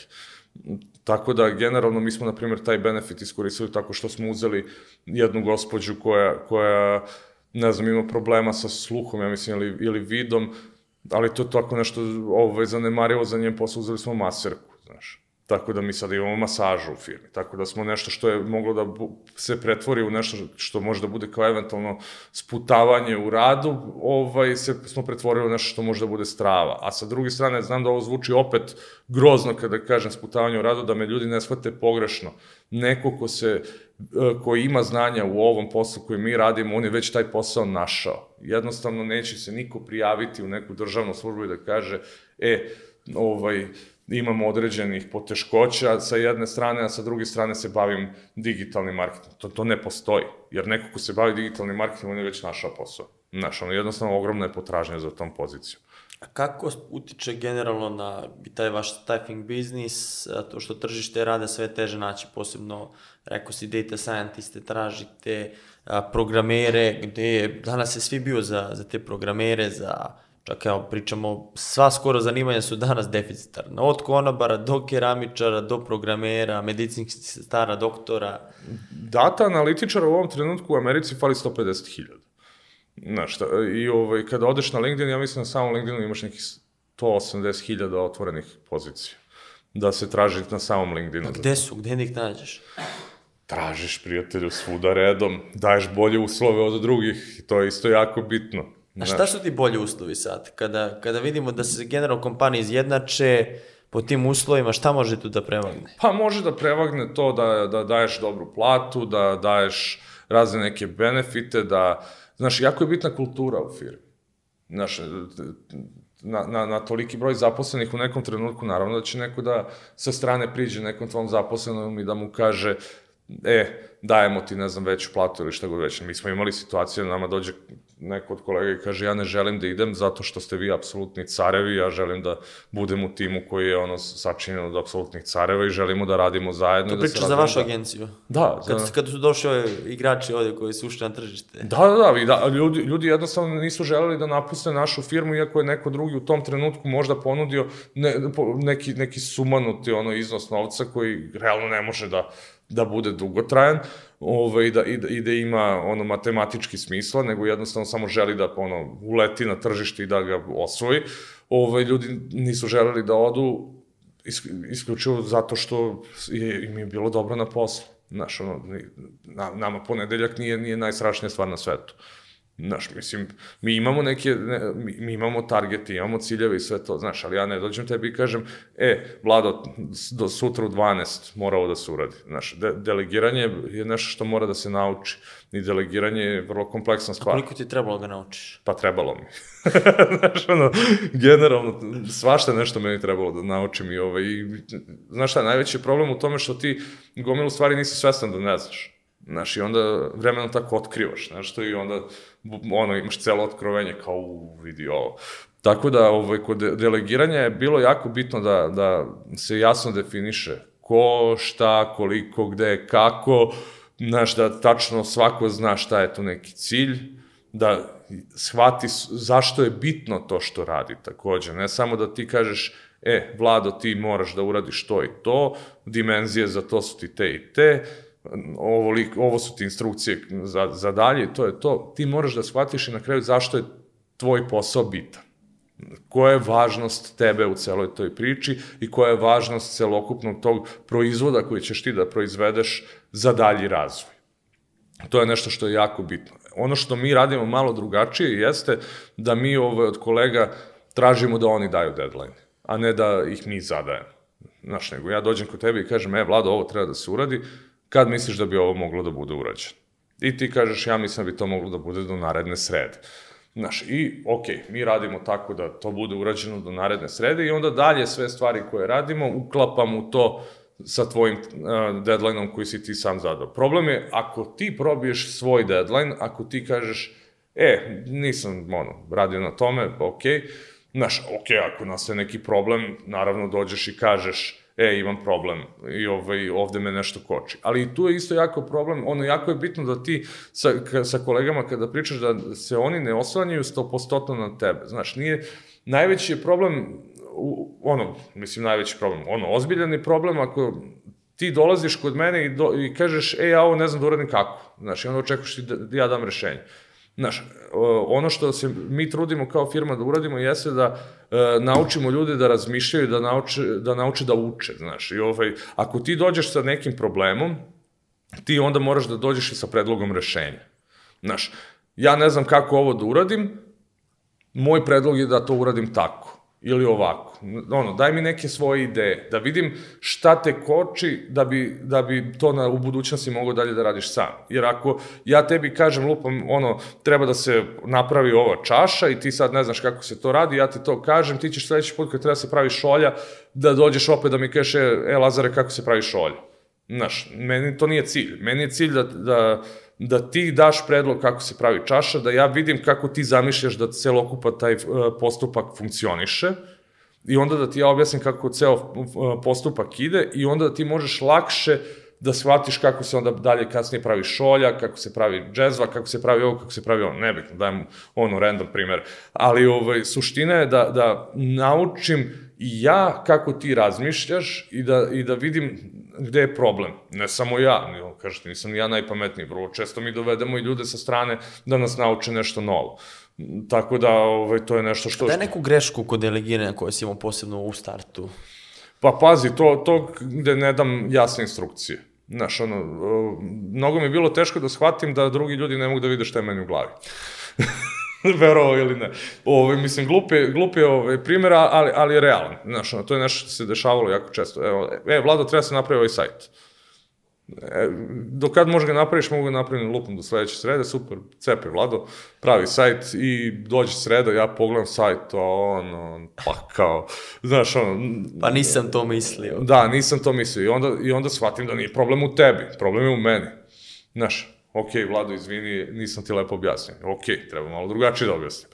I, ovaj, I onda sam to ono vremenom naučio iz prethodnih ono, kompanija da, da sam radio, no, ovaj, da se prave razne neki briefovi, da se prave ne znam, kreativni briefovi, da se daju jasne instrukcije, da tako svašta nešto i ovaj, jako je bitno da, da, da na primjer, dru, jedna, jedna od stvari koja je isto kao bila greška, jeste bilo da, da, da, da ne dajem konstantan feedback.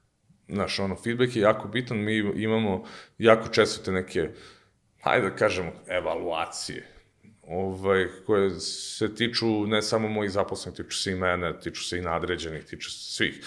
I ti, de, svaki zaposleni e, kaže jednomesečno, mislim, ono, može, ima, ima mogućnost da to uradi non stop, ali jednomesečno je u obavezi da kaže na šta je ponosan, šta je uradio poslednjih mesec dana, šta misli da je mogo da uradi bolje, e, šta misli da ga koči, da da ocenu za svoje podređene, nadređene, znaš, da, da, otprilike, da, da, da shvati da se njegov glas apsolutno čuje. Neko ko ne želi da, da, da jasno kaže o nečemu šta se dešava, to može da uradi apsolutno anonimno. Tako da, da je to isto nešto što je jako bitno, da ti imaš um, svest o tome. Naprimjer, ja sam imao dosta grešaka u pravcu kako smo se razvijali, očekivao sam da neko ko je dobar operativac bude dobar i menadžer. To ne mora da znači to. Neko ko je dobar operativac može da bude fenomenalan u svom poslu, onda ti njemu daš jednom petoro ljudi da on njih vodi i onda on kaže, e, pa, mislim, ja sam mu rekao šta da uradi, što, što se on nije snašao, to je njegov problem. Znaš, i onda se ti uhvatiš za glavu i kaže, pa ne, prijatelju, tako, čekaj. I onda kaže, e, a šta misliš da, da, ovaj, da, da, da probaš da radiš ovo, onda malo promenimo tu poziciju, ne, to nije nikakav ono downgrading, ono ne spuštamo nikoga dalje, nego jednostavno neki ljudi, na primjer, neko ko je dobar operativac, zna dobro da radi Amazon oglašavanje ne mora da znači, nije svaki rast na gore, znaš, neki rast i u širinu. Znaš, neko ko je dobar, dobar u Amazonu uh, može da bude fenomenalan u vođenju tima koji, koji radi na Amazonu, a neko drugi može da bude fenomenalan u pravcu, zna da radi savršeno na Amazonu, ali zna, može da nauči brzo da to radi na TikToku, može na Facebooku, može na Instagramu, može na bilo kojoj drugoj platformi, zato što ima kliker koji funkcioniše u tom pravcu. Tako da, uh, nismo svi pravljeni isti, nismo, uh, nismo svi pravljeni za istu stvar i, ovaj, i to je sasvim okej. Okay. I isto tako ovaj, uh, motivacija se menja vremenom. Naš potrebe se menjaju vremenom. Ja kada sam imao 25 godina, imao sam drugačije želje nego kada sam imao 30. I sada kada imam 36, 37 godina i imam neke drugačije želje nego onda kada sam imao 25. Tako da je to sve nešto što se vremeno menja. I to je isto jako bitno kod tih evaluacija, kod tih nekih feedbacka, da ti naučiš ovaj, u kom pravcu se ta, taj neko razvija. Znači, jer, jer ti želiš da se svako razvija što je više moguće. Jer je u tvom ličnom interesu da taj neko postane car. I znaš, ono, ima, ima oni, onih mimova na LinkedInu ili ne znam na, na čemu već, kao, e, otišao mi, ne znam, ovo, ja toliko sam para dao na njegovo usavršavanje i na, za ne znam ja šta, pa, i onda neko napiše kao, e, šta bi bilo, a da, a da nisi dao te pare. Znaš, i da on to nije naučio. Znaš, tako da ti generalno moraš da razvijaš ljude uvek, znaš, ta, i, i, da, i da oni postanu bolji, jer to je najbolji način da se i, i tvoja firma razvija. Znaš, to je, to je zajednički trud i rad. Kada si gostao u biznis tajnama i dijelio tajne o TikTok oglašavanju i TikTok strategiji, pomenuo si da TikTok oglašavanje neće doći u Srbiju, na Balkan, dojava. da, to je dojava, bukvalno. Ove, pričao sam ove, sa, sa razvojnim direktorom TikToka na tu temu, kao kad će to na Balkan, kaže, niste vi još ni, ove, što bi rekli, ove, u pipeline-u. Tako da, da naredne dve godine nas nema još što se tiče oglašavanja na TikToku šta da radimo, nismo veliko tržište za njih, sa druge strane, oni su već uveliko oformljeni ovaj, u Americi, uveliko su oformljeni, ne znam, u zapadnoj Evropi, ali polako šire se oni. Svi će oni svuda. Koje su razlike sad generalno što se tiče performansa, TikTok oglašavanje, Facebook, Instagram? Pazi, um, suštinski, ako, ako umeš da se oglašavaš na Facebooku, lako ćeš da naučiš da se oglašavaš i na TikToku. Ali ovaj, ljudi očekuju iz priče da to funkcioniše tako da to ide kao, ne znam, za neki mali, jako mali iznos možeš da dobiješ jako puno, uh, zapravo i nije baš tako. Uh, Da bi bio uspešan u oglašavanju na, na TikToku moraš da potrošiš barem nekih 5-6 hiljada dolara mesečno da bi mogao da, da dobiješ neke konkretnije rezultate, jer jednostavno algoritam tako funkcioniše, to nije ništa ovo zato što je to nama došlo tako, nego jednostavno potrebna je određena količina podataka da taj algoritam sažvaće, da bi, da bi onda mogao dalje da, da, da bude produktivniji, da može da postavi oglas ka nekome koji, za koga to ima više smisla. Tako da jednostavno to tako funkcioniše. E, U svakom slučaju mislim da je, da, da je daleko efikasniji način oglašavanja nego, nego ne znam, Facebook ili... A zašto? Šta ga to izdvaja? Pa izgleda ga to, ovaj, taj, to mogu sad pričati na satima. Ajmo da ga Tako mi- spakujemo u 10 minuta. Ovaj, što, se, što se tiče celokupno tog TikTok oglašavanja, zašto, zašto je efikasnije? Mnogo je manja konkurencija za početak, e, mnogo manje ljudi je spremno tu da daje sad neki novac i sad je to otprilike to je neko zlatno doba neke društvene mreže gde još nisu svi uleteli da nije ona da, da ne postoji apsolutna zasićenost gde gomila korisnika TikToka, ono Tik- TikTok broji sada preko milijardu korisnika koje ono aktivno koriste platformu što je apsolutno jedna luda cifra. Prošle godine su je objavljeno da, da je TikTok posjećeniji od Google-a, što je ono, ne, neko ludilo otprilike uh, od, od, od broja i od informacije, tako da generalno šta, god, šta god da dobiješ od informacije od TikToka, to je sve uglavnom dosta drugačije ovaj, kroz vreme, jer ono, bukvalno za dve nedelje ti brojevi porastu dalje. Znaš, tako da, da ovaj, to tako ide. I ovaj, to je dosta dobar tajming, imaš dosta ljudi koji ne koriste Facebook, to jest prošle godine je bila situacija da 40% korisnika TikToka nema Facebook nalog. Znaš, i onda ti odjednom imaš pristup celom nekom novom audijensu, ali kako je broj korisnika porastao, naravno ta cifra je opala dole, ali sa druge strane korisnici TikToka su e, značajno više um, okupirani samom platformom i značajno više okupirani sadržajem ovaj, samog TikToka, jer je uh, TikTok dosta interaktivan. 85% korisnika TikToka uopšte nema neki drugi ekran upaljen ovaj, dok je na TikToku. Znaš, ti, na primjer, sediš u stanu i gledaš televizor, gledaš neki Netflix, film, šta god, i ti si u to vreme, ono, znaš, samo časkom provjerim Facebook, znaš imaš više ekrana upaljeno, nisi fokusiran maksimalno. Ti kad si na TikToku, to je toliko ono, uh, okupirajuća sadržajem ove platforma da ti moraš da budeš fokusiran jer je tu i slika i zvuk i neki pokret i ne znam ja šta. Ljudi su i između ostalog i zamišljali da je TikTok mesto gde se svi samo glupiraju, trče, skaču i ne znam ja šta rade. Ono, čisto da znate, ako vam tr trče, skaču ljudi po TikToku, to je zato što ste to lajkovali, a ne zato što je to jedini sadržaj. Ovaj, na TikToku ima dosta sadržaja koji su neki tutoriali, može svašta nešto da se nauči, ima raznih neku, nekih usko stručnih kanala koji, koji su fenomenalni na TikToku, možda naučiš celokupan Excel na TikToku, ono, ne moraš da ideš više na YouTube za to, ono, to su sve kratki klipovi od par minuta. Možeš biznis priče da gledaš. Možeš biznis priče da gledaš, to je fenomen koji ih pratim. Ovaj, tako da, da, da ovaj, to je, zbog toga je TikTok fenomenalan genera, generalno, jer, jer možeš svaš nešto da vidiš. I ovaj Rich je generalno bolji nego, nego na, A na sad ta borba, kako su iskopirali generalno TikTok, ubacili su real format na Instagramu i onda je sad ta i gamifikacija da ti štampaš što više da kažem, da kreneš da koristiš zato što ti je reach nenormalno veliki. Pa pazi, generalno kad, kad te neko kopira, to je dobro. Znaš, jer to, to, to, to ti, ne, nemaš veće pohvale nego kad te neko kopira. Znaš, on, znaš, on, ne, mislim da je Nike imao neku marketinšku kampanju koja ono, kaže never follow, znaš. I, ovaj, tako, tako da generalno kad te drugi kopiraju, to je super. Ovaj, Reels je generalno trenutno isto dosta, dosta funkcionalan i dosta dobar način ovaj, da dođeš do neke svoje publike.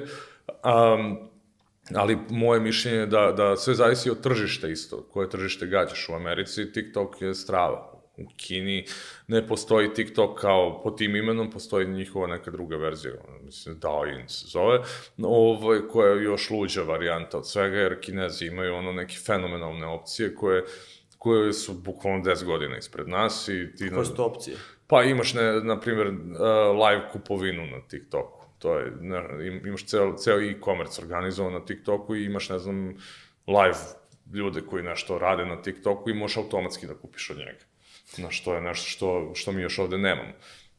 Ne samo da nemamo, nego je pitanje koliko bismo bili spremni da, da odradimo takvu kupovinu. Znaš, do, do pre 5-6 godina ljudi nisu htjeli u Srbiji da ostave ni kreditnu karticu ono, na, na nekom e-commerce sajtu. Sad je malo poraslo, ali ponovo su neke mizerne brojke. To, znaš zašto su porasle? Ono, porasle je zato što u Beogradu i u većim gradovima u Srbiji imaš dostavu hrane i imaš, ne znam, cargo, imaš tako neke stvari koje imaju te neke procesuiranje manjih iznosa, ono, do, do, do 1000 dinara i zbog toga te brojke rastu. A generalno, znaš, pre, pre deseta godina kad sam radio Tehnomaniji i sad ovaj, vodio internet prodaju, i sad neko, neko hoće kupiti televizor preko, preko, preko interneta, ono napravi poručbinu i onda zove telefon da proveri ili napravi poručbinu. Znaš, to, to je nešto što je bilo standardno.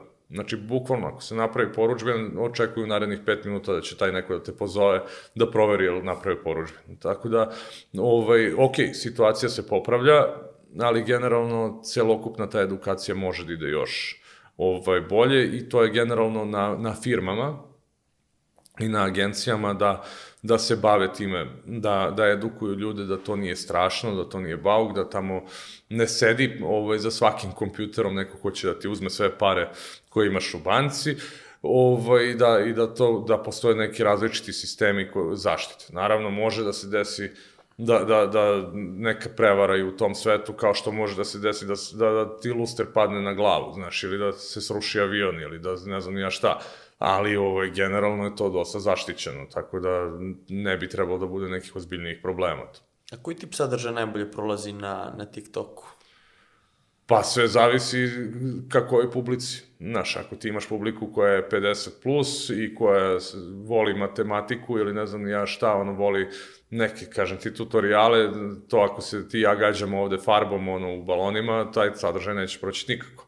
Ali ako ti targetiraš nekoga ko želi nešto veselo, zabavno i neku razumnu i njima prikažeš takav sadržaj, to je nešto što će onda proći fenomenalno. Tako da svaka roba ima svoga kupca. Ali ta odstupanja su baš velike na TikToku gde ne možemo da predvidimo sad, ne znam koliko imamo pratilaca i jedan klip ili će doći do riča od hiljadu ljudi, drugi može da zabode milion. Ne možemo da imamo neku predikciju koliko će taj klip imati neku srednju vrednost, kao što je, na primjer, na Instagramu ili na Facebooku u odnosu na broj pratilaca? Dosta zavisi od toga kakva je, kakva je inicijalna reakcija u prvim sekundama klipa, znaš, i onda, jer, jer od toga zavisi da li će taj klip dalje da se gleda ili ne, jer ono, prvih par sekundi je najbitnije od tih sadržaja da neko stane i onda nastaje dalje da gleda. Jer ako to ne uradi, on će da nastaje da scrolla i doći do nekog daljeg sadržaja i to je to.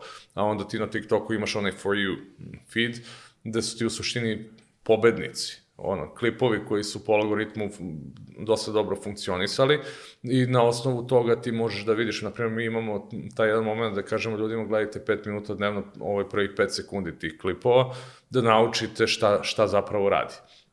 Tako da, ovaj, ako imaš ti neku određenu seriju tih klipova koji inicijalno funkcionišu dobro, ako su te prve sekunde uh, ovaj, određene kako treba, onda postoji velika verovatnoća da će ti sledeći tako raditi. Znaš, ako ti sledeći klip bez veze, ljudi su navikli da gledaju tvoje klipove i onda odjednom dođe neki klip koji nije odgovarajući, ok, odgledat će njega, ali u manjem intenzitetu engagement će biti lošiji, što je isto srpska reč engagement. Ovo, to je inače, ovaj, pričao sam na nekoj domaćoj konferenciji prvi put, relativno skoro, i ovaj, imao sam dosta tih nekih ono, engleskih termina i onda bi bilo stravično da, da se, da se prešaltam na, na, na srpski, ono, jako mi je bilo teško. Ovo, a, znam koliko je odvratno držati se ono stranih termina kada pričaš ovaj, na, na, na srpskom, tako da, da ovaj, to je bilo malo problem. Tako da, izvini za digresiju. Ali ovaj, u suštini, posle tog klipa svaki naredni će ti onda ići malo lošije, znaš, osim ako ti se engagement ne popravi, ako ti ne, ne daš neku poruku koja, mo, koja iziskuje da, da ljudi tu nešto kliknu, lajkuju, šeruju, podele, ovaj, onda će ti vremenom i ta, ta, taj engagement opadati. Kako su planovi za dalje? Planovi za dalje su... Ulaziš u nove biznise?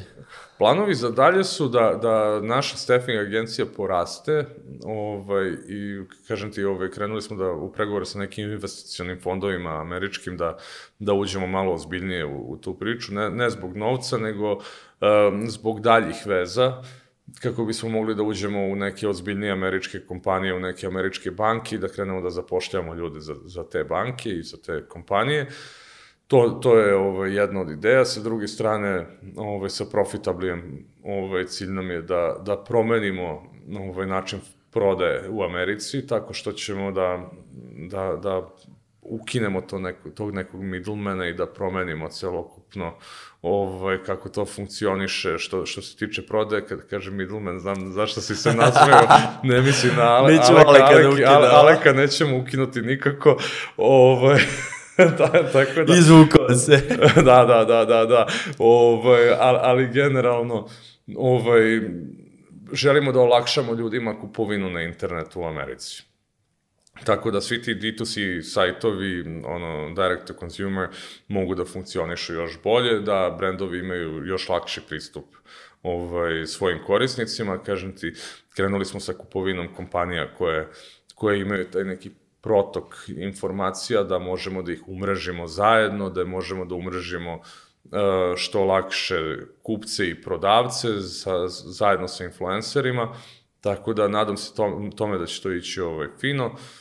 Tako da, eto, što se ti, tiče naše, naše TikTok agencija, ona, ona funkcioniše fenomenalno, tu ne mogu da, se- da se bunim i ovaj, na čelu tima imamo jednog fenomenalnog dečka Luku koji apsolutno kida svoj posao, tako da ovaj, uopšte ne brinem za to.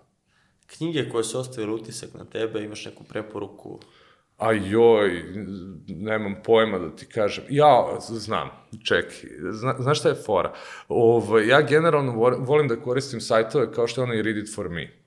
I ovaj, mislim da ima još nekoliko takvih sajtova gde ti u suštini... imaš- Summary book ili... Da, da, da, da, ono, ispričati u 15 minuta sadržaj neke knjige i onda, ako mi se svidi ta neka knjiga, onda, onda je pročitam celu.